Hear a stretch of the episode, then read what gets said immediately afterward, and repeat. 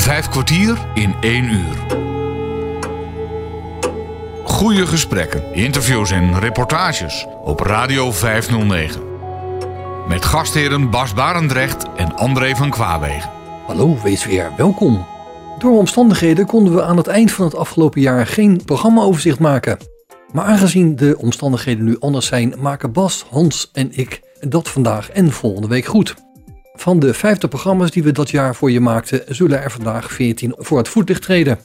Het eerste echte programma van 2023 op 8 januari stond in het teken van George Flapper, die een paar weken daarvoor op 74-jarige leeftijd overleed. Hij was in 1977 een van de gegijzelde treinpassagiers bij de Molukse treinkaping bij De Punt en was verder bekend van het radioprogramma Pretletters en was daarbij een aantal keer te gast in Vijf kwartier. Je hoort nu een deeltje van de In Memoriam uitzending. Ja, met, met alle respect voor uh, de mensen van het uh, uh, uitvaartcentrum. En we wilden heel graag afscheid nemen van Sjors in zijn favoriete café. Nog één keertje een boom opzetten met Sjors. Of eigenlijk meer over Sjors. En het ging ook altijd wel heel vaak over Sjors. En dan nog het liefste George. En dan begon hij helemaal te stralen als hij dat hoorde. Ik ben geboren in Slagharen. Dat is een klein dorpje in uh, het, noordwesthoek van uh, Overijssel. Dat was van oorsprong een, een veendorp. Met veenarbeiders die uh, in rond 1840 uit, uit Hannover kwamen, de buurt van Hannover. En mijn opa, die was van oorsprong een Fries uit Tjitjerkstradeel. En, en zijn vader had een boerderij en daar is de varkenspest uh, uitgebroken. En toen is hij namelijk, mijn opa is toen getrokken naar Duitsland. Die heeft het vak van kleermaker geleerd. En die is samen met de veenarbeiders naar Slagaren gekomen. Ik was een jongetje dat... Uh, een beetje een sloom jongetje, dat, je kent die wel, die altijd als laatste worden gekozen bij de voetbal en zo. Een brilletje op. En ja, ik. Maar ik had wel. Ik had wel overal een mening over. Ik was ontzettend nieuwsgierig. Ik weet nog dat ik. Eh, toen was ik maar een jaar of vier. En dan was er een monteur bezig bij een lantaarnpaal. En die heb ik de, heb ik de oren van het lijf gevraagd. Zo van. zo, waarom is dit? Wat is dat? En hoe gaat dit? En uh, nou ja, enzovoort. Dus ik was, ik was altijd vreselijk nieuwsgierig. Hoe was toen, toen je daar was, de tijd? Kun je dat nog even terughalen? In, in Slagharen? Ja. Nou, Slagharen is eigenlijk een, was toen de tijd eigenlijk gewoon een doodsdorp. Ja, en toen ik jong was, toen, toen kwam net Bemom, die begon toen met, uh, met het ponypark. Maar uh, verder, ja, iedereen vond ja, een veendorp, wie, wie, wie, wie komt hier nou naartoe? En, en ja, er gebeurde niks. Je had dus gewoon dansavonden, hè, en, van jongerencontact en, en dat soort dingen. Maar veel meer gebeurde daar niet. Ja, ik was nogal een eenling. We gingen in, uh, naar Koevoorde, naar, naar school. Dus we gingen elke, elke dag fietsen we 13 kilometer heen en 13 kilometer terug. En in de zomer, dan fietsten we ook nog even naar Hardenberg op en neer om te gaan zwemmen. Ja, dus uh, 50 kilometer op een dag fietsen, dat was niks. Dat is nu wel anders. Ja, dat is nu wel anders, ja. Maar het is goed, ik, ik kan het niet meer. Maar goed, da, maar uh, ja, ik groeide, daar, ik groeide eigenlijk tegen de klippen op. Ik had ook maar weinig vriendjes. Ik, ik, ik was een eenling. Ik, ik, was ook, ik was bijvoorbeeld ook al heel vroeg al geïnteresseerd in, in klassieke muziek. Ja, nou, daar, daar word je ook niet populair mee. Ik ontdekte ook altijd van alles en had ook altijd overal had ik een andere mening over. En dat vonden andere mensen maar raar. Dus ik werd ook, werd ook een beetje beschouwd als dom en, en uh, vreemd. En nou, die weten het toch niet. Hè? Uh, terwijl ik van de andere kant vaak dingen juist wel goed voor elkaar kreeg. Gisteravond ook mooi hè. Verschillende mensen die komen dan langs. Ook mensen die ik helemaal nooit heb gezien. George had een enorm netwerk. En die hadden het dan ook niet over George, maar over George. Hij was graag het middelpunt van de belangstelling. Een beetje een ijdeltuit. Ook wel een intellectueel. Een semi-intellectueel. Hij citeerde graag Socrates. Ik weet niet wat ik niet weet. Radio 509. Tegenwoordig zie je er niet veel meer, maar er zijn nog steeds enthousiastelingen die helemaal idolaat zijn van de eend. Hans Wensveen is er bij één op bezoek. En hij neemt een gevoelig kijkje in miniatuurmuseum Het Eendje. Op Radio 509. Nou Dennis, eh, we staan nu in, eh, in jouw museum. En eh, hier staan al een aantal vitrinekasten. Hoeveel van die kasten heb jij? Ik heb in totaal twee kamers vol en er staan ongeveer een 20, 25 tal kasten eh, ja, vol met, ja, wat ik eh, nog steeds heb, eh, fantastisch mooie eenden. Ja, ja, de groot en klein zijn allerlei formaten. Maar eh, behalve autootjes eh, heb je ook allerlei andere objecten die met eh eenden en deuzefoto te maken hebben. Noem eens wat. Ja, ik vind het het allerleukste om zeg maar, op rommelmarkten te kijken naar iets wat maar met een eendje te maken heeft. Dus of er nou een klein eendje op staat of, of een, in de vorm van een eend of iets. Eh, en dan heb ik bijvoorbeeld over eh, ehm, t-shirtjes, boekjes, flessen wijn, eh, gitaren. Gitaren? Gitaar, ja. Ik heb ook zelfs een, een, een elektrisch gitaar in de vorm van, van de eend. Oh, dat is wel leuk. Waar, waar heb je die? Ja, die ga ik even pakken. Oh, dat is inderdaad de vorm en de, het formaat van een elektrische gitaar. Oh, hij is helemaal Hij is ook- uitgezaagd. Oh joh. Hij is ook heel echt bespeelbaar. Je kan hem gewoon aansluiten en er gewoon mee spelen. De ramen zijn uitgezaagd, de middenstijl voel je. Ja, En er zit, ja, er zitten gewoon snaren op. Het is gewoon echt een gitaar, joh. ja. In de vorm van een eend. Jeetje, mine, wat leuk, joh. Gewoon aansluiten en...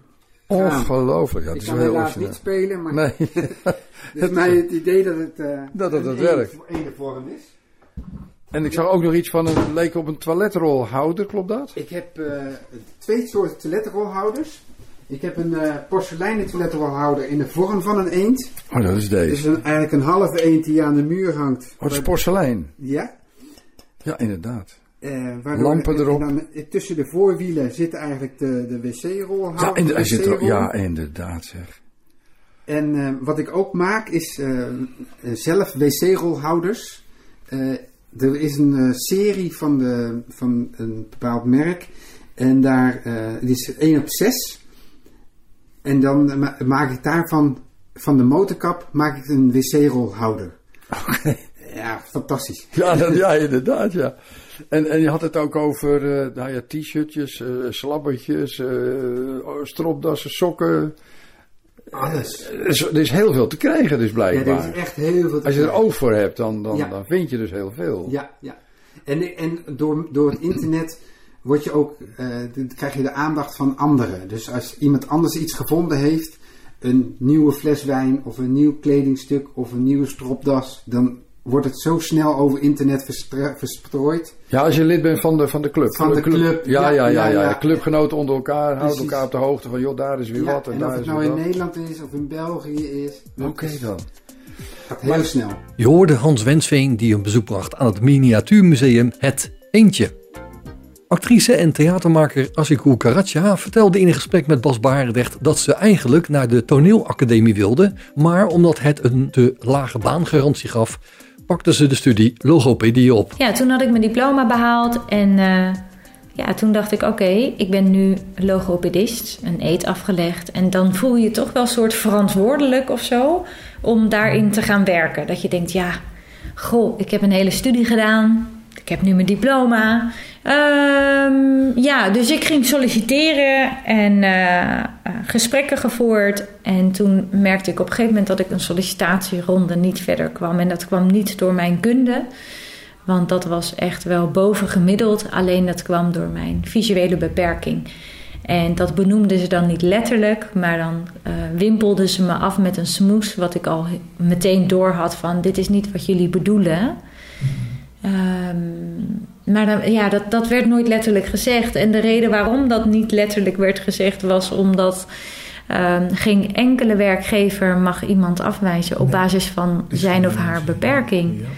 Want dan kan je echt een flinke straf krijgen daarvoor. Ja, en dat, dat was wel, toen stortte ik wel echt in. En ik dacht, potverdorie, ik heb deze opleiding gedaan en ik kom nu niet eens aan het werk, omdat ik geen kans krijg. En toen eh, ja, zei mijn moeder voorzichtig wel van... Lieverd, ehm,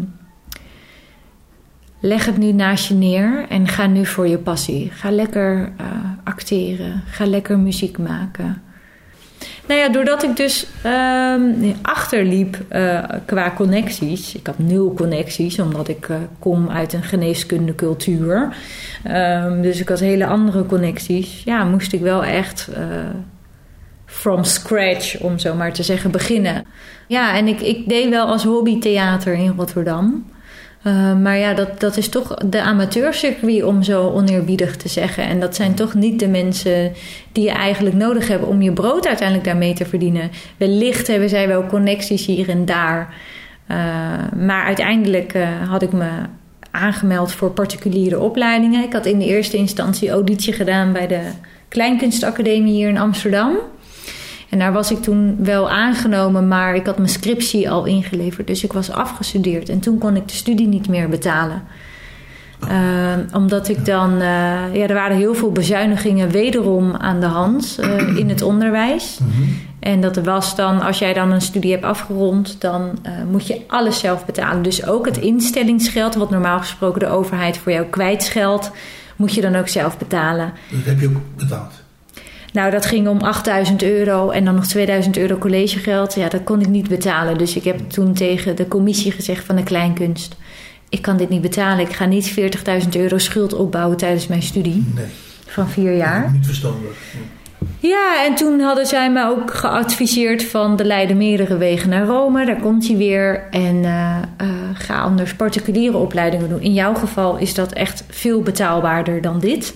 Ik was ook te laat met fondsen aanvragen, want we zaten in april destijds toen je het hoorde.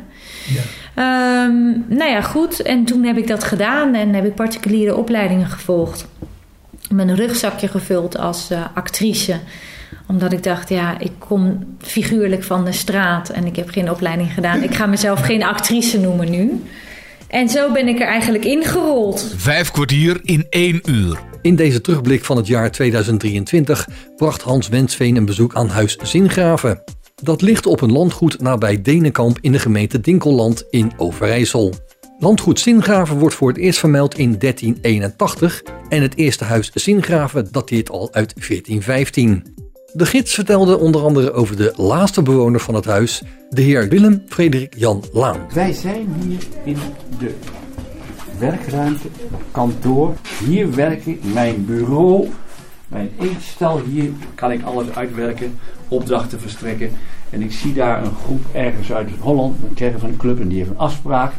En daar is de poort. We zien hem daarvoor aan die mooie smeedijzeren poort. En u bent 10 minuten te laat. Dan zegt meneer Laan, de poort blijft gewoon dicht. Strak, zo was hij.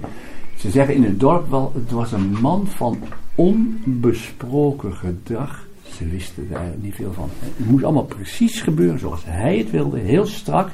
Maar zo zat hij in elkaar. Dat is op zich niet veel. Maar u zei hij werkt hier, maar wat voor werk deed hij dan? En hij moest het hele, eerst alle kunst verzamelen. Hij was vaak weg. De vertrekken inrichten.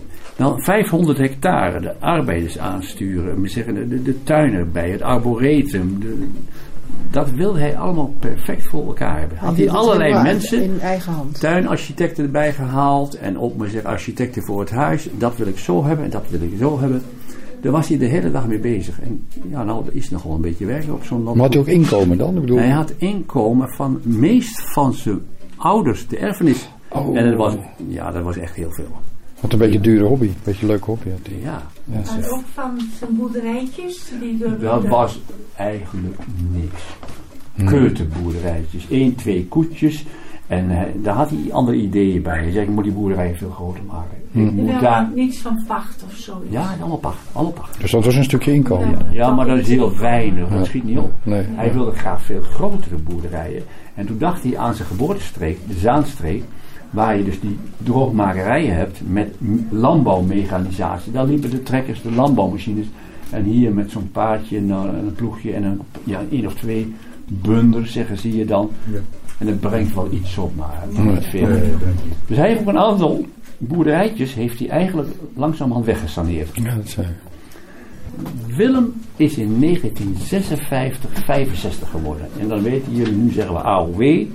Maar daar redde hij het ook niet mee. Maar hij dacht, wat ik hier allemaal heb geregeld en voor elkaar heb gemaakt.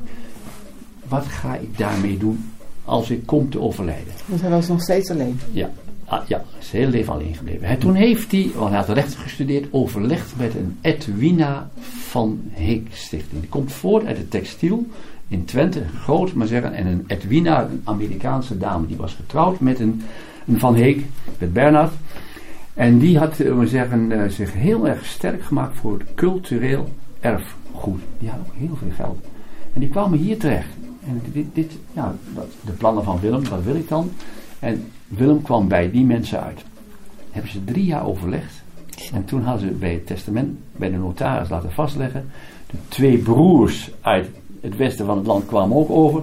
Die dachten, jongens, wat valt er voor ons nog hier, hè? Ja. Nee, koffie. Goede koffie blijkbaar. Maar hij heeft alles, heeft hij zegt, breng ik onder in de, bij de Edwina van Heek Stichting. En daar is het nu nog steeds van.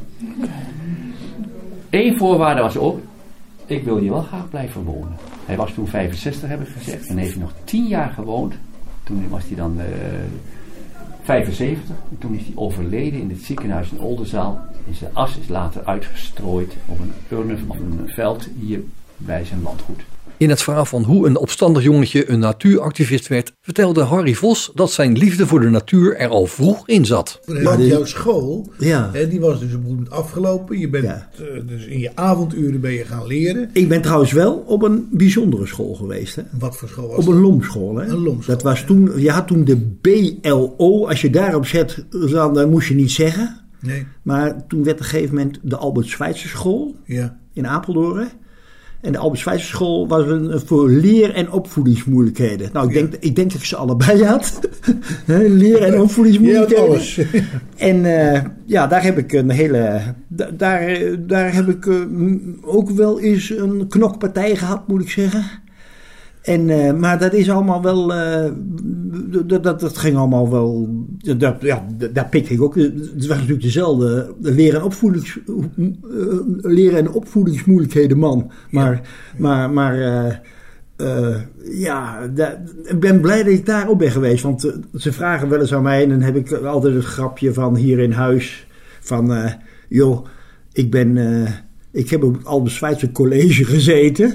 Ja, dat lijkt heel wat, maar dat was gewoon de Albert Schweitzer school. En, en ik moet zeggen, ik kwam afgelopen zomer... was ik met een, een gast van mij, was ik in het... eh, eh, was ik met die, met die mevrouw gewoon die geïnteresseerd was. Ik had gebeld, goh, ik wil eens met u wandelen. Ik wil vooral vliegend herten zien. Ja.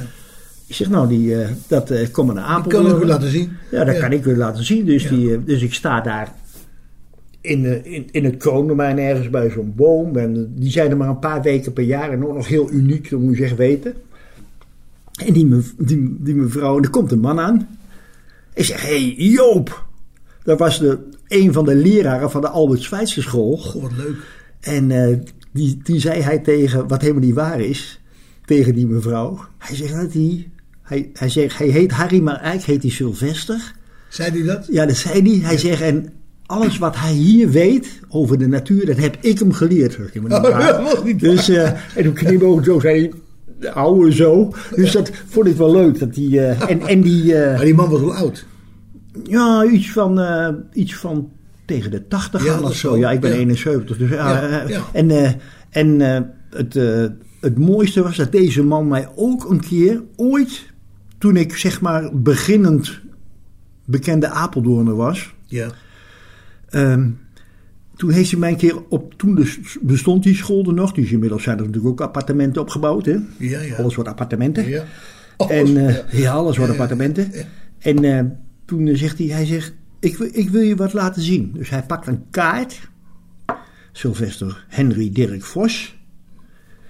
En bij het einde staat, Harry heeft een bijzondere eigenschap. Die gaat zich in deze wereld op zijn manier manifesteren en redden. Dat staat er alleen maar in als afscheid van school. Echt heel mooi. Wat leuk. Dat ze dat toen gezien hebben. Ja, ja, ja, ja. ja. En, Dat wist je niet. nee, dat heb ik nooit geweten. ik weet ook niet of ze met mijn ouders hebben gecommuniceerd. Want op een gegeven moment. de- de- de- die school is individueel onderwijs. Hè, dus je, wordt, Ja, ja. je, wordt, eh, je hebt allemaal. Die, op het rekenen zit je misschien op het niveau ver vooruit. En met Nederlandse taal loop je achter. En dat was veel natuurlijk sport en dergelijke. Het, was, het, het, het vrije schoolidee was daar eigenlijk ook al wel een beetje aanwezig. Maar nou, want zo probeerden ze individueel te helpen. En dat is natuurlijk heel goed. Iemand heeft een bepaalde kennis en dat proberen ze daar te ontwikkelen. Vijf kwartier in één uur. Bonsai betekent letterlijk boom in pot. Een bonsaiboom is een kleine weergave van een grote boom in de natuur, bewaard in een geschikte authentieke bonsaipot of schaal. De meer dan duizend jaar oude bonsai-traditie is gestoeld op de Chinese kunstvorm penzai.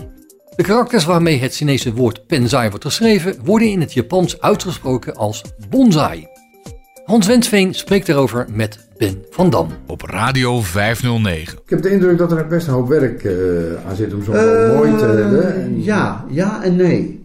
Eh, ik heb natuurlijk op markt natuurlijk ook gestaan. En dan vroegen de mensen ook wel van, wa- wat moet je nou doen om een bonsai te onderhouden? Ik zei nou, als je bij mij een bonsai koopt, dan is het het belangrijkste, vooral omdat ik dan meestal binnen bonsai, eh, dat ik, moet ik misschien niet even uitleggen. Wat is een binnen bonsai of wat is een buiten bonsai? Ik heb het nooit over binnen of buiten bonsai. Ik heb het bonsai die uit de tropen komen, soorten die uit de tropen komen, en bonsai die in Europa gekweekt worden. Wat ik dus hier heb aan bomen, dat zijn eiken, beuken, en die vind je gewoon buiten of, of in je tuin. Dus die kunnen ook de winter door. Maar je hebt ook soorten die uit de tropen komen. Gewoon tropische, kijk naar de kamerplanten. Het zijn geen kamerplanten. Het zijn planten die in een bepaald temperatuurgebied beter groeien. Ja, ja, ja, ja. Waardoor je dus in de kamer heb je natuurlijk hogere temperaturen dan buiten, meestal dan. Maar een, elke plant, ook een kamerplant, kan, kan in de zomer gerust naar buiten. Omdat je dan, zo gauw je buiten meer dan 10 graden is, kan je elke plant laten groeien. Ook kamerplanten. En dat hoop mensen, mensen weten dat gewoon niet. Maar het is dus zo dat. eh, dan ga je dus uitleggen aan de mensen, als dan er komen vragen van hoe moet ik een boom onderhouden. Nou, water geven is het belangrijkste, want als je geen water geeft, dan, niet dan hoef je, hoef je helemaal niet meer aan te snoeien. En dan zeg ik, ja, maar snoeien, eh, nou, dat- je hebt een model en daar ben je zelf eigen, eigenaar van. En als je vindt dat die model verstoord wordt door te veel groei, dat de, de takken in elkaar gaan groeien, dan neem je een, desnoods een nagelschaartje, een klein fijn schaartje. En je, je, je, je knipt af wat te veel aan takjes groeien. Tot het model die je in eerste instantie dus gekocht hebt, dat die weer verschijnt. Ja, dat je Dus, het model ja. houdt zoals je hem gekocht hebt. Precies, hè, ja. Dus Dus daar- kun je dan ook zelf, Ben, als je, als je zoiets hebt en je zegt van goud, dat takje dat moet eigenlijk wat meer omhoog. Kun je dan zonder dat je daar cursus over hebt gehad, dat gaan, gaan doen met, nou, dat is wat lastiger. Eh, vooral als je natuurlijk met, met, bui- met buigdraad werkt. Ja. Dat moet je wel een keer gedaan hebben. Precies. Of je moet het bij iemand die, eh, die ik zou zeggen, als ik daar iets over zou, iemand zou kunnen, kunnen leren, dan wil ik, wil ik dat best doen. Maar Maar dat is niet heel moeilijk. hè. Dat moet je gewoon eh, keer nee, kijk, tegenwoordig heb je natuurlijk allerlei soorten cursussen. Je kan, eh, ik heb toen, toen de tijd begon ik natuurlijk met allerlei soorten boeken. Ik heb al twintig boeken over bonsai gehad. Dus alles is natuurlijk te leren. Ja, ja. Of nu zeker, je kan via internet en dat kan je natuurlijk. Kun je als, als, als je vraagt natuurlijk aan, aan internet van, van hoe moet ik een bonsai eh, vormen, Ja, nou, dan kan je, dat, ook vinden. kan je dat natuurlijk ook vinden. Leuker is met een groep natuurlijk. Is het natuurlijk, zeker. Vijf kwartier in één uur. Je luistert naar het overzicht van vijf kwartier over het jaar 2023. Tijdens een uitzending op de eerste paasdag ging het natuurlijk over Pasen. In het westen van ons land is het voor de meeste mensen een feest geworden dat bestaat uit een aantal vrije dagen, lekker eten, het eieren schilderen en zoeken. In het oosten van het land doen ze dat natuurlijk ook, maar ze houden zich vaak nog vast aan de oude tradities. Tini Hiddink vertelde hierover. Op Radio 509. De dag wordt besloten met het grote paasvuur op de paasweide. Paasvuur, dat was ook in elke naberschop was er een paasvuur vroeger. Elke naberschop maakte met kinderen en, en, en ook de grote maakten met karren en paard en wagens, eh, sleepte men het hout, het snoeihout en, en er werden bomen omgeslagen. Dat ging allemaal naar het paasvuur. En s'avonds, dan ging de oudste van de naberschop met een bos stro en een kannetje petroleum voorop naar het paasvuur en dan werd dat ontstoken. En het was een feest voor de kinderen en voor iedereen, want de mensen hadden maar niks om uit te gaan. Dus uh, zoiets, dat was een groots gebeuren. Die paasvuren zijn er nog altijd. In Twente is dat vooral in Denenkamp en in Oortmarsum nog heel levendig. Precies de oude cultuur zoals het uh, vroeger ging. In Holten zijn er uh, nog vier of vijf paasvuren in de buurtschappen. Waar allemaal een prijs mee gewonnen kan worden. Het mooiste en hoogste en best gebouwde paasvuurprijs. In Zieuwend, hier dichtbij, is ook nog altijd iets groots om dat paasvuur heen. Een heel groot, mooi paasvuur. Het mooiste en het grootste van de Achterhoek. Hier bij Borculo. Iedere gemeente heeft haast nog een paar paasvuren, al wordt het allemaal minder met het uitbouwen van de nieuwbouw en de grote beperkingen in vergunningen geven. Dat, dat doet heel veel van deze tradities toch de das om. Maar ze branden allemaal nog hier op Pasen. En dan in Denenkamp is het een heel ritueel. Daar, daar wordt dus die, uh, uh, op, op paaszondag een grote staak wordt er omgeslagen in, uh, in, in de bossen bij, bij het kasteel daar. En dan brengen de jongens dat, die, die staak naar het marktplein. En s'avonds gaat diezelfde staak in grote optocht naar het paasvuur heen. En dan wordt die in de grond gegraven door de jongens. En dan kruipt een van de jongens hoog in die stam.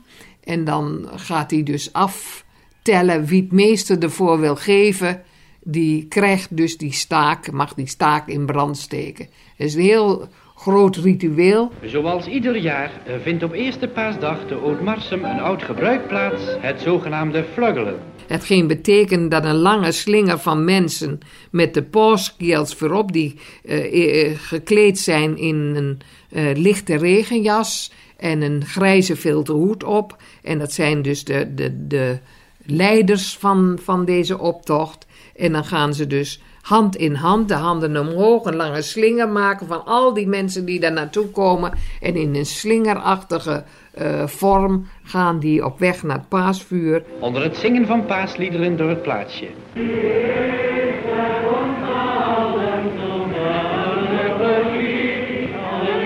En ook op diezelfde manier weer naar huis. En dan lopen ze door cafés en door huizen heen uh, naar dat paasvuur toe. En het is, nou, er komen zoveel mensen vanuit het westen en zo ook op af. Dat is een heel groot gebeuren daar.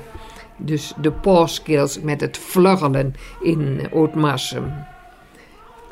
Nou, en zo branden al die vuren. Uh, dus hier rondom, en je ziet het ook met, met Palmpasen, is het overal rood aan de hemel, omdat daar de vuren branden. Bij een bezoek aan het Nederlands Transportmuseum kreeg Hans Wensveen te horen dat het museum, dat toen nog gevestigd was in het voormalig Bosgebouw in Nieuw-Vennep, moest verhuizen naar een nog te vinden locatie. Geert van Kelsbeek vertelde hoe het allemaal met het museum begon en wat de toekomst hopelijk brengt. Nou, wat we hier dus hebben, vanuit Hembrug uh, zijn we hier dus gekomen in, twee, in 2018. En dan hadden we dus uh, een dertigtal objecten, bussen, militaire voertuigen en een aantal vliegtuigen die we hier ook zullen zien, die we restaureerden daar. En we zochten eigenlijk een plek om, om te restaureren, alleen te restaureren. Dus we hebben hier een houtwerkplaats, die hadden we op Hemburg ook, die hebben we verplaatst. Dit is Stevens aluminiumwerkplaats. En we hebben een metaalwerkplaats uh, iets verderop in de hal. Wat we dus verhuisd hebben vanuit Hembrug. Hembrug, ja, ja. Maar toen we in dit gebouw kwamen, zeiden we ja, A, het is veel groter dan we nodig hebben. En B, hoe gaan we dat betalen? Hmm, ja? Want we moesten wel een huur uh, gaan betalen voor dit gebouw en energiekosten. Dus hebben we gezegd, nee, weet je wat we doen? We beginnen een pop-up museum. Met elf stichtingen, dat staat ook op dat bord hier. Met elf stichtingen zijn we hier ingetrokken. Uh, we beginnen een pop-up museum. En we hebben de verhuurder een contract voorgesteld om per bezoeker een afdracht te doen. En dat is maar goed dat we dat gedaan hebben. Ja, want anders hadden we het uh, nooit Al, kunnen betalen. Al lang fiets gegaan, ja. ja dus ja. voor iedere bezoeker, als jij nou een tientje aan ons betaalt, ja, moeten wij een stuk daarvan betalen aan de, aan de huurder. Aan, aan de huurder. Aan de verhuurder. Aan de ja, verhuurder. Ja, aan de verhuurder, ja, ja. Dus, en en uh, dat werd geaccepteerd, wonder Oké. boven wonder. Zo doen jullie het al vijf jaar dan? Zo nu. doen we dat al vijf jaar. Ja. Ja, wat ons dus flink teruggeworpen heeft. Kijk, we hadden natuurlijk een projectie gemaakt van, eh, van de inkomsten en van de, eh, de groei van het aantal bezoekers.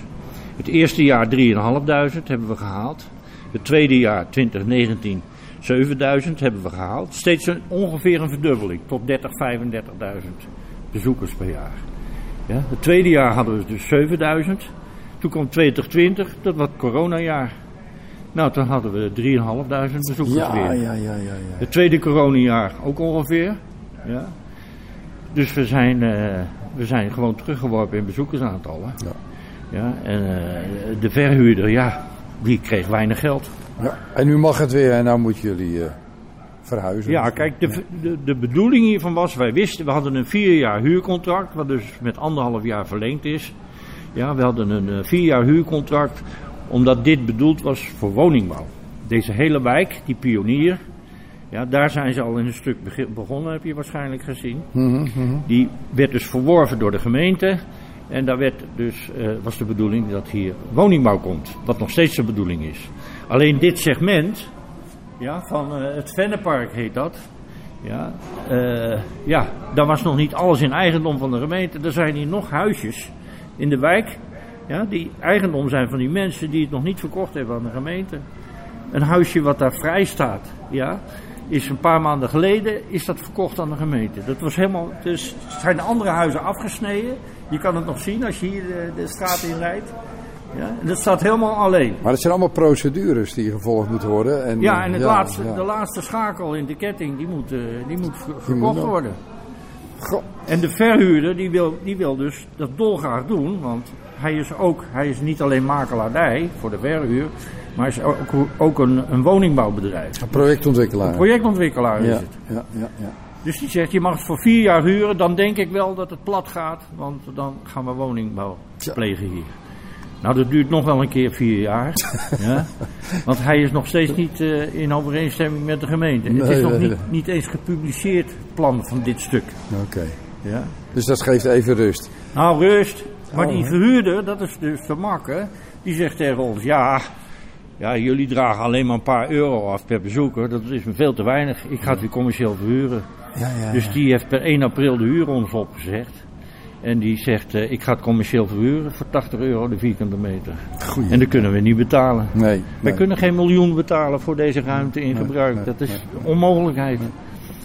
En met de gemeente, dat is dus de ellende. Met de gemeente hebben we geen overeenstemming kunnen bereiken om ergens in Park 21 of elders in de gemeente Een nieuwe locatie. een, een, een nieuw terrein te krijgen. Ja, ja, Desnoods helemaal van de grond af opbouwen. Met een noodgebouw of een definitief gebouw later. Om dit, dit mooie museum weer, eh, weer een goede plek te geven. Want dan behoud je je vrijwilligers. Je infrastructuur heb je. Je bekendheid begint ook steeds beter te worden. Ja, dat, dat- je, wordt, je wordt tot min drie. Want we hebben nog niet eens een gebouw. Toen we hier introkken, hebben we dat gebouw geschilderd, een beetje opgeknapt, de stellingen eruit gehaald die erin stonden. Er stonden allemaal van dit soort stellingen in, hoge stellingen tot het plafond.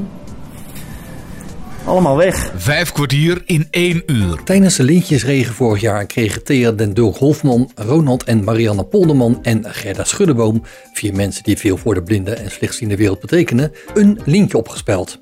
Tijdens een feest in het schild werden ze toegezongen door Charlotte Glory. Marianne, naast jouw werk bij het hak was er heel veel wat jij deed. Zwom en atletiekte op hoog niveau, won medailles bij de vleet. Jij zong in het Dominicus koor, perfect jouw oud-partij. Droeg aan duurzaamheid en aan het open huis, met kerst jouw steentje bij. Met jouw actie voor een Chileense school steunde jij daar elk blind kind. Daarbij stond Ronald aan jouw zij, dus ja, liefde maakt lint. Coördineerde het, zwe- het zwemmen en tandemen, leerde velen braille aan. Jij scrabbelde en leidt mensen rond, in het schild zo kan ik nog doorgaan. Jij Ronald brengt waar jij ook komt, verbinding met je mee. Tussen medewerkers en vrijwilligers bij Dedicom, eerst SVB. Ook als bestuurslid van Koor en de NVSV deed jij veel verbindend werk. Dankzij jouw duurzame inzet werd de Dominicus een groene vegetarische kerk. Jij startte acties op voor een Chileense school en voor veel minderheden in jouw stad. Jij schreef voor het blad van de OOG, organiseert het kerkenpad. Als columnist en quizmaster bij het schild verkwiste jij heel wat tijd. Ook aan het Nederlands leren aan twee blinde Iraniërs was jij veel uurtjes kwijt. Marianne, Ronald, Gerda en Thea, wat een feest. Jullie lintjes zijn verdiend, wij zijn nog nooit zo trots geweest.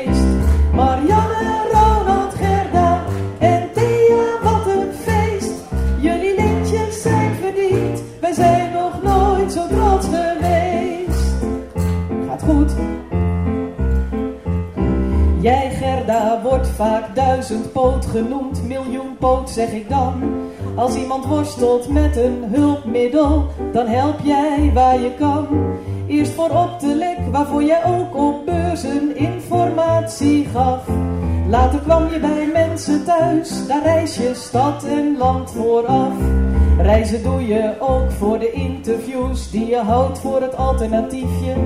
Voor het koken en bakken in Amsterdam. Ja, jij bent echt een sportiefje. Coördineert het fietsen en wandelen. En mag ook zelf graag meegaan. Voor Solutions Radio bracht jij heel wat solutions aan. Jij Thea strijdt op elk gebied voor toegankelijkheid vol vuur. Zette je in voor de dag van de witte stok en voor toegankelijke lectuur. Zo geef jij braille les en denkt nog steeds met visio over braille mee. Organiseert het leesfeest en zat in het bestuur van de CBB.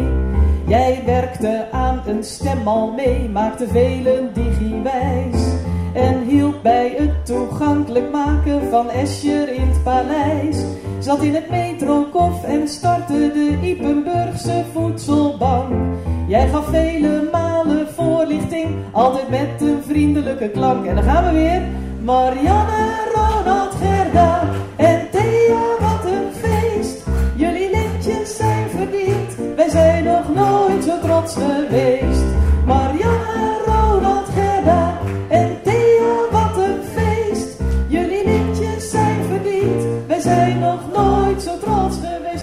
509. De op het scherm van de snede snelle prater, schrijver, columnist, radioprogrammamaker en cabaretier Jacques Bral gaf een privéoptreden voor de groep blinden en slechtzienden die in het Oogcafé aanwezig waren. Hans Wensveen sprak Sjaak tijdens de pauze van zijn programma. Sjaak, heb jij wel eens meer opgetreden voor een groep uh, blinden en slechtzienden of andere gehandicapten? Uh, nou ja, uh, ik heb wel wat verschillende gehoren gehad, zou ik maar zeggen. Verschillende ja. gezelschappen.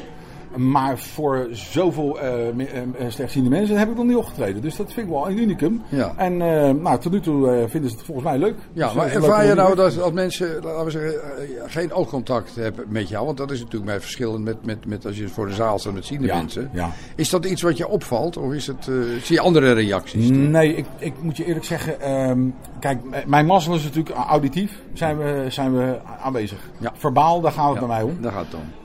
En, en ja, ik, ik hoef me gelukkig niet met decor of wat dan ook bezig te houden. Het gaat, nee. En dat vind ik ook het fijne. Het gaat puur om de grap of om hetgene wat je vertelt. Dus je kan dat niet verbloemen met gebaartjes of raar kijken. Wat je natuurlijk heel veel bij cabaretiers ziet. Dus dat ze een grap vertellen en daarna zelf beginnen te lachen. Ja, ja, en dat is, dat is uh, evolutionair is het zo. Dat als je mij ziet lachen, ga je zelf ook lachen. Maar dat wil niet zeggen dat die grap goed is. Nee. Snap je? Dus dat, dat, dat, dat, heb ik nu niet. Hè? Daar kan nee. ik niet op verlaten. De maar heb je wel voor het programma van vanmiddag... Uh, je hebt een keuze gemaakt. Jouw programma's zijn natuurlijk gigantisch uh, veel keuze uit te maken. Maar heb jij voor dit programma heb je daar bewust keuzes gemaakt die... Nou ja, die, die het meest aanspreken voor mensen die het niet zien. Of maakt het voor jou helemaal geen verschil? Nee, maakt voor mij eigenlijk eerlijk gezegd gewoon geen verschil. En ik, ik zou dat ook een beetje vreemd vinden, want dat zou betekenen dat ik mezelf uh, of jullie uh, tekort doe. Nee, ja. ik wil gewoon wat ik wil vertellen, vertel ik. En ik weet dat het in tekst uh, ja, goed is. Dus ik ga ervan uit dat, dat jullie dat ook leuk vinden. Maar het is niet zo dat ik denk van nou, dan moet ik, bedoel, dan moet ik mij ineens in gaan houden. Of dan moet ik gaan denken, oh, ik kan niet zeggen, uh, ik heb je naar uitgekeken of zo. Dat, nee. dat, dat, kan niet. Je moet maar ik weet niet of het in jouw programma zit, maar bijvoorbeeld een grap over blinden of zo. Zou je die hier vermijden of zou je hem juist vertellen? Nee, die zou ik gewoon vertellen. Zou nou, het, ja. Nee, joh, dat, dat, zou toch raar zijn? Dan iedereen, als die, ik bedoel, het, het, gaat om zelfspot en het gaat ja. ook om humor. Ja. En mensen die tegen een stootje kunnen, uh, dat zijn de mensen die, uh, die zichzelf ook een beetje kennen. Ik merk het heel vaak met, met. Ik heb natuurlijk veel te maken met politici. En die zitten bij mij wel in de zaal. En dan zie je toch wel de politici die een beetje zelfspot kunnen hebben. Of die, hè, die zelfspot hebben. Dat, dat zijn eigenlijk toch de betere politici juist. Dat is de gezonde houding. Ja, Ja, je het moet is goed het dat je dat zegt, want dat hoop ik ook wel. Hoor. Dat, daar gaat het elkaar Nee, maar je moet het allemaal niet te serieus nemen, want daar is het leven niet voor bedoeld. Het is al een wonder dat we er zijn überhaupt. Laten we wel wezen, dat, eh, Ja. hoe, hoe we ook zijn, we zijn er. Ja. En daar, eh, ja, het is maar een, we zijn maar, we zijn maar een, een, een knipoog in de eeuwigheid, Hans. zeggen, ja. Meer zijn we niet, dus laten we alsjeblieft genieten van dat moment. Dat gaan we zeker doen. We gaan even genieten van de pauze. En we gaan Goed het tweede zo. deel eh, gaan we En ook ga je lekker biertje nemen ook, Hans? Jij toch? Want hoe meer jij drinkt, des te leuker ik word. Je luistert naar het overzicht van vijf kwartier over het jaar 2023. In het Noord-Hollandse Akersloot, een dorp in de gemeente Kastrikum, werd in 1879 het poldergemaal Limmen gebouwd. Ze had het doel, samen met een molen, om het waterpeil in de Groot-Limmerpolder op de gewenste hoogte te brengen en te houden. In juli van het afgelopen jaar kreeg je een rondleiding door het gebouw dat nu de naam Gemaal 1879 draagt. U bent eh, bij het gemaal van de Groot Limmerpolder. Als je, eh, misschien is het niet opgevallen, maar het is een redelijk vierkant gebouw. Eh, ongeveer 11 bij 11 meter. En dan zit er aan de buitenkant zit er nog een aanbouwtje aan. Nou, waar dat aanbouwtje staat, eh, heeft vroeger een molen gestaan. Je moet het eh, zo zien, ongeveer in 1300 is men hier in het gebied begonnen met dijkjes aan te leggen, omdat men af en toe problemen had met de waterafvoer. De waterafvoer in Noord-Holland gaat als volgt. Eh, wij hebben allemaal poldertjes in Noord-Holland. De ene die is groot, de andere klein. De allergrootste dat is de Beemster. Ongeveer een, eh, een 12 12.000 hectare. En dan eh, heb je de schermer met, met ongeveer 10.000 hectare. Eh, maar als je dus Noord-Holland boven het Noordzeekanaal bekijkt, dan is dat net een soort lapjeskat met allemaal poldertjes. Die poldertjes die, eh, die brengen voor zover ze dus vlakbij het IJsselmeer liggen, of Markermeer, een afgescheiden deel eigenlijk van het IJsselmeer, door water rechtstreeks op het IJsselmeer uit. Maar voor zover ze dus meer ja, tussen zeg maar, de Noordzee in liggen en dat IJsselmeer, dan eh, brengen ze hun water uit op wat wij noemen eh, schermerboezem. Schermerboezem is in feite een soort spinnenweb van allemaal ringvaarten, kanalen met in het hart het Alkmaardermeer. Ik kwam net van die kant afgefietst. Alkmaardermeer ligt hier eh, de deur uit recht vooruit. En al het water dat wordt hier verpompt naar die schermerboezem. Het zij die ringvaarten of eh, hier vrij redelijk rechtstreeks op dat Alkmaardermeer. Nou, dat heeft dan een vertakking via het Noord-Hollands kanaal naar eh, Den Helder. Er staat een groot gemaal die het naar zee kan pompen, het overige water.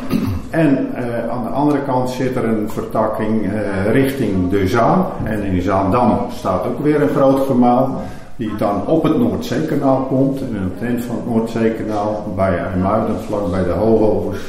Daar staat eigenlijk het grootste gemaal ter wereld. Die dus eh, het Noordzeekanaal en alles wat daar aan gekoppeld is bemaalt. Dat gaat zelfs vanuit Utrecht komt er water op. Maar ook vanuit eh, ten zuiden van het Noordzeekanaal komt er heel veel water op. Eh, zo werkt dat stelsel. Mag je wat vragen? Ja. U heeft het over polders, maar ik heb altijd begrepen dat de Beemster en nog een aantal polders, dat, ze- dat geen polders zijn met droge, droogmakerij. Is daar een verschil in? Of? Dat klopt. Eh, kijk, een droogmakerij is in principe ook een polder, maar die, eh, die, die ligt eh, dermate laag dat dat eh, vroeger een meer is geweest. Vijf kwartier in één uur. Marjoleine Bessels kreeg februari van het vorig jaar slecht nieuws toen ze te horen kreeg dat bij haar multiple sclerose was vastgesteld. Tijdens een gesprek met Bas Barendrecht vertelde ze hoe ze daarachter kwam. Ja. Wat gebeurde? Ik eh, was op een bewuste vrijdagmiddag in januari boodschappen aan het doen. En uiteindelijk eh, kreeg ik een dove plek eigenlijk op mijn bil. En binnen een aantal uren was die dove plek uitgebreid naar eigenlijk mijn hele onderlichaam. En eh, ja, dat was best wel eh, verontrustend, want ja, hoe komt dat nou zomaar? Maar ik heb dat, ja, ik heb me niet zo heel erg druk om gemaakt tot ik een beetje ging lezen op, op Google van uh, allemaal narigheid die je dan tegenkomt. Dat moet je eigenlijk nooit doen. Dus ik ben uiteindelijk het hele weekend ermee doorgelopen en op maandag pas naar de huisarts gegaan met deze klachten. En de huisarts die had ook zoiets van, nou, dat is wel een beetje heel vervelend. Die heeft me eigenlijk per direct naar de spoedeisende hulp doorgestuurd. Dus ja, daar, spoedeisende hulp, daar hebben ze, uh, ben ik, ja, was heel druk. Deze, uiteindelijk kwamen er twee dames, dat waren twee uh, co-assistenten, die hebben mij onderzocht. En ik kon allerlei testjes uh, goed volbrengen. Dus ik ben naar huis gestuurd met mededeling, nou, er is niks spoedeisends aan de hand, u gaat niet dood en ja, gaan we overleggen met je eigen huisarts. Maakt u zich geen zorgen, mevrouw. Ja, nee, ja, daar kwam het een beetje op neer. En dat vond ik heel erg vervelend, want ze gooiden het op stressgerelateerde krachten.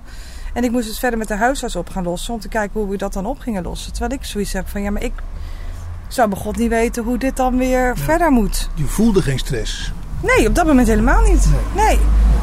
Dus, uh, dus ja, nou ja, weet je, je gaat een beetje verontwaardigd en een beetje boos ga je naar huis. Maar ja, het, het, ja, zij zijn de experts, zij zullen het wel weten. En de volgende dag werd ik gebeld door de neuroloog zelf. Die het toch een beetje een vreemd verhaal vond en die me toch heel graag zelf nog wel wil zien. En uh, nou ja, zo gezegd, zo gedaan. Op de woensdag, dus inmiddels vijf dagen verder, uh, mocht ik bij de neuroloog op visite. Nou, dus uh, hij heeft me ook onderzocht. Alle neurologische testjes die ik op de spoed had gedaan, ook weer gedaan. En wederom slaagde ik voor alle testjes. Maar deze man die, uh, die had een beetje een naar onderbuikgevoel. Dus hij wou toch voor de zekerheid een, een MRI-scan maken van mijn rug. En dus, zodat we een hernia konden uitsluiten. Maar ook gewoon de zenuwbanen en het ruggenmerg allemaal konden zien. Hm. Nou ja, prima. Zo gezegd, zo gedaan. Afspraak gemaakt. En uh, maandag slag ik in de scan. Dus het is eigenlijk al negen dagen nadat de eerste klachten begonnen. Mm -hmm. uh, maar ik lag een uur in de tunnel. En na, die, dat uur uh, mocht je weer naar huis. En twee uur later werd ik gebeld met mevrouw Bessels. Wilt u morgen vroeg om negen uur met spoed op de poli komen? Want uh, we hebben iets gevonden. De volgende dag om negen uur uh, vertelde de neuroloog mij dat ze een, een ontstekingsplek hadden gevonden in mijn ruggenmerg. Dus hij wou voor de zekerheid wou hij toch nog wel een scan maken van mijn hersenen, van mijn hoofd. Ja, maandag na het weekend om negen uur s ochtends mocht ik me weer melden. En ik zat eigenlijk nog niet eens in de stoel. En uh, daar kwam het verlossende woord van, nou ja, we hebben 14 ontstekingsplekken gevonden in je hersenen. Wie gaf dat? Die arts? De neuroloog, oh, ja. ja. Dus en toen was het wel van, ja, we weten nou voor 95% zeker uh, dat je MS hebt. Een lang gekoesterde wens van Hans Wensveen was om eens een ballonvaart te maken. Dat gebeurde afgelopen jaar. En hij kwam erachter dat een ballon niet alleen opstijgt, maar ook weer moet landen. Hoe dat in zijn werk gaat en wat hij moet doen, krijgt hij haarfijn uitgelegd door de ballonvaarder. Ik hoor net dat we 15 km per uur uh, varen. Ja, de snelheid is uh, 15 km per uur. Maar ja. je voelt het helemaal niet, die wind. Nee, omdat we even snel als de wind gaan, voel je geen wind. We hebben hier aan de zijkanten zitten overal die handvaten. Hier, bij u zit het achter u, links. En dan mag u dadelijk met de rechterhand hier aan het ijzer. Nee, aan het ijzer. Ah zo? Ja, ja dus met twee handen vasthouden. Yep. Iedereen kan of de gasfles of een handvat pakken, maakt niet uit.